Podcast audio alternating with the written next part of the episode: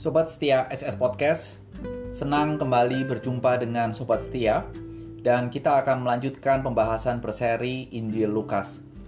Sebelum kita bersama-sama belajar hari ini dari Lukas pasal yang ke-9 ayat 18 sampai dengan ayat yang ke-27, sekali lagi saya ingin menyambut secara khusus dua sobat setia, yaitu Pak Denny Sinaga dari SDH dan Mogot dan juga Pak Christian dari SMA IPK Pluit. Selamat bergabung dan kiranya melalui podcast ini Bapak sebagai pendidik-pendidik masa depan generasi Indonesia boleh terberkati. Sobat setia, saya juga mengajak kita untuk mendoakan secara khusus daerah Dolok Sanggul, daerah dekat Danau Toba, biarlah penularan COVID di daerah itu boleh tertangani dengan baik oleh pemerintah setempat. Dan dalam episode yang ke-33 ini, saya memberikan sebuah judul Menjadi Murid Tuhan Yesus.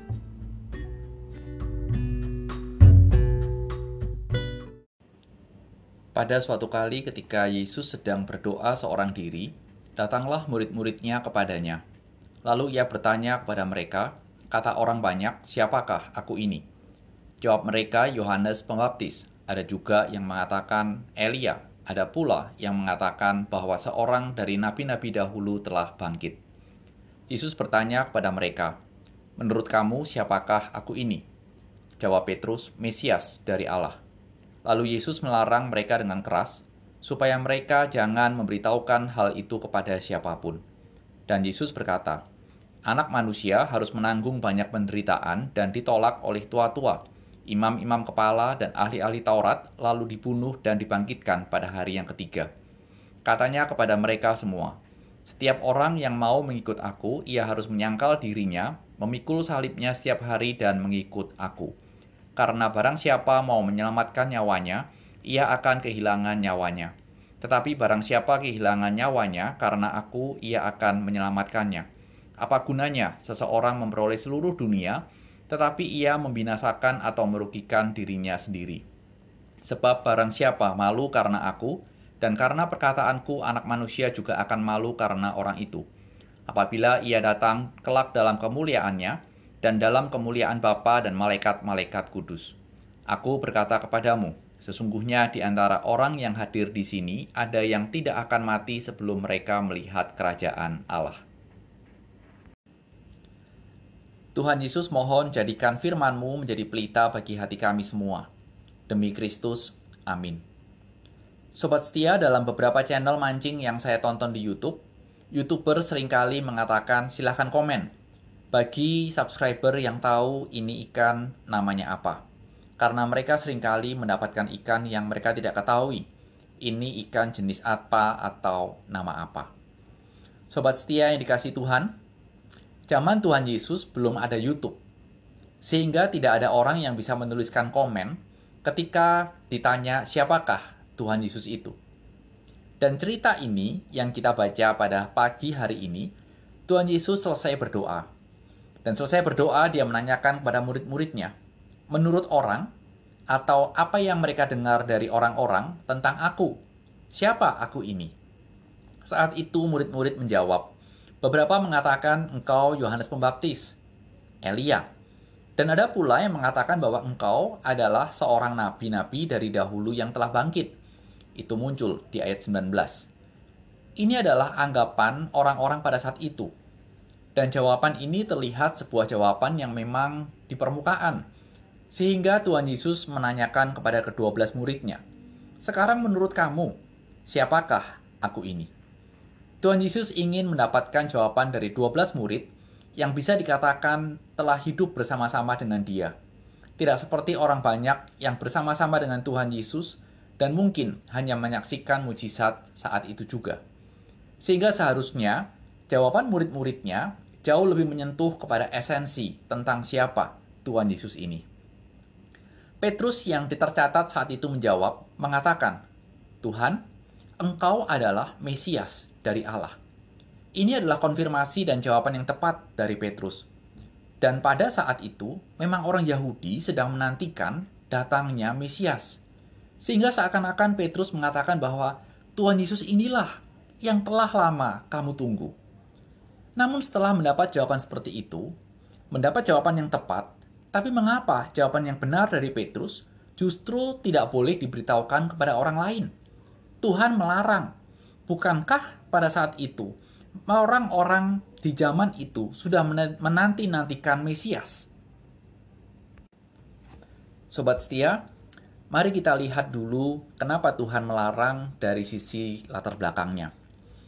Hal ini karena konsep Mesias orang pada saat itu adalah Mesias itu adalah orang yang membebaskan mereka dari penjajahan Romawi.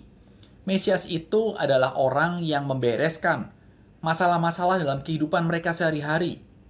Sehingga setelah Tuhan Yesus melarang, Tuhan Yesus langsung memberikan sebuah penjelasan bahwa yang disebut oleh Petrus, Mesias dari Allah, akan menderita, dibunuh, dan bangkit pada hari yang ketiga. Dan ini menggenapi nubuatan dari kitab Yesaya 53 ayat 3 sampai dengan ayat yang kelima. Jadi jelas sekali bahwa Tuhan Yesus bukanlah superhero yang akan melepaskan orang-orang pada saat itu dari belenggu penindasan politik supaya mereka merdeka. Tapi Tuhan Yesus adalah superhero yang akan melepaskan mereka dari belenggu penindasan rohani karena dosa. Sehingga perbedaan konsep inilah, ketidaksiapan inilah yang Tuhan Yesus jadikan menjadi sebuah alasan untuk Petrus dan murid-muridnya untuk tidak memberitahukan tentang siapa identitas dia sepenuhnya. Inilah yang kemudian Tuhan Yesus ajarkan pada murid-muridnya.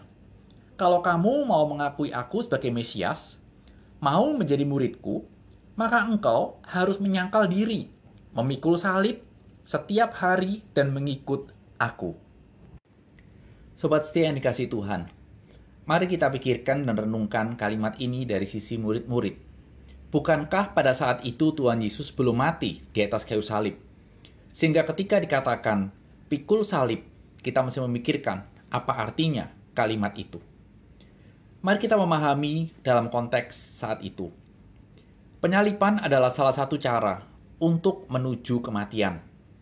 Sehingga ketika dikatakan pikul salib, bisa dimengerti mengikut Tuhan sampai mati. Tapi apakah pengertiannya hanya itu? Mungkin pada saat itu bisa dimengerti iya. Tetapi kita perlu melihat bahwa di kemudian hari, ketika Kristus akhirnya naik ke atas kayu salib, dia mati. Tapi bukan sekedar mati, tetapi mengalahkan maut. Kuasa dosa dipatahkan. Dan melalui salib itulah, Kristus membuktikan bahwa dia adalah Mesias, juru selamat umat manusia yang memberikan kesukaan besar bagi seluruh umat manusia. Sehingga setelah Kristus menyelesaikan ajarannya itu, empat ayat berikutnya dalam bagian ini, Tuhan seakan-akan memberikan suatu perbandingan bahwa tidak ada yang lebih berharga atau lebih mulia dibandingkan dengan menjadi murid Tuhan Yesus.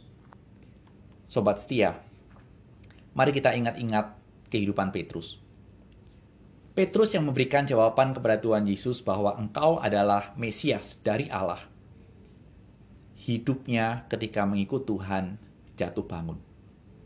Setelah jatuh bangun melewati segala kesulitan dalam mengikut Tuhan, akhirnya dia sampai akhir hayatnya, yang konon menurut sejarah dia mati disalib dengan kepala terbalik, Petrus menjadi murid Kristus sampai akhir.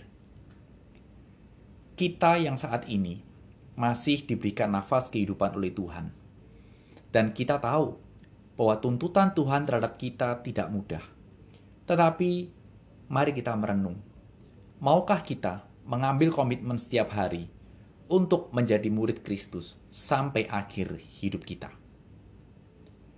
Tuhan Yesus, aku mau menjadi muridmu seumur hidupku. Amin.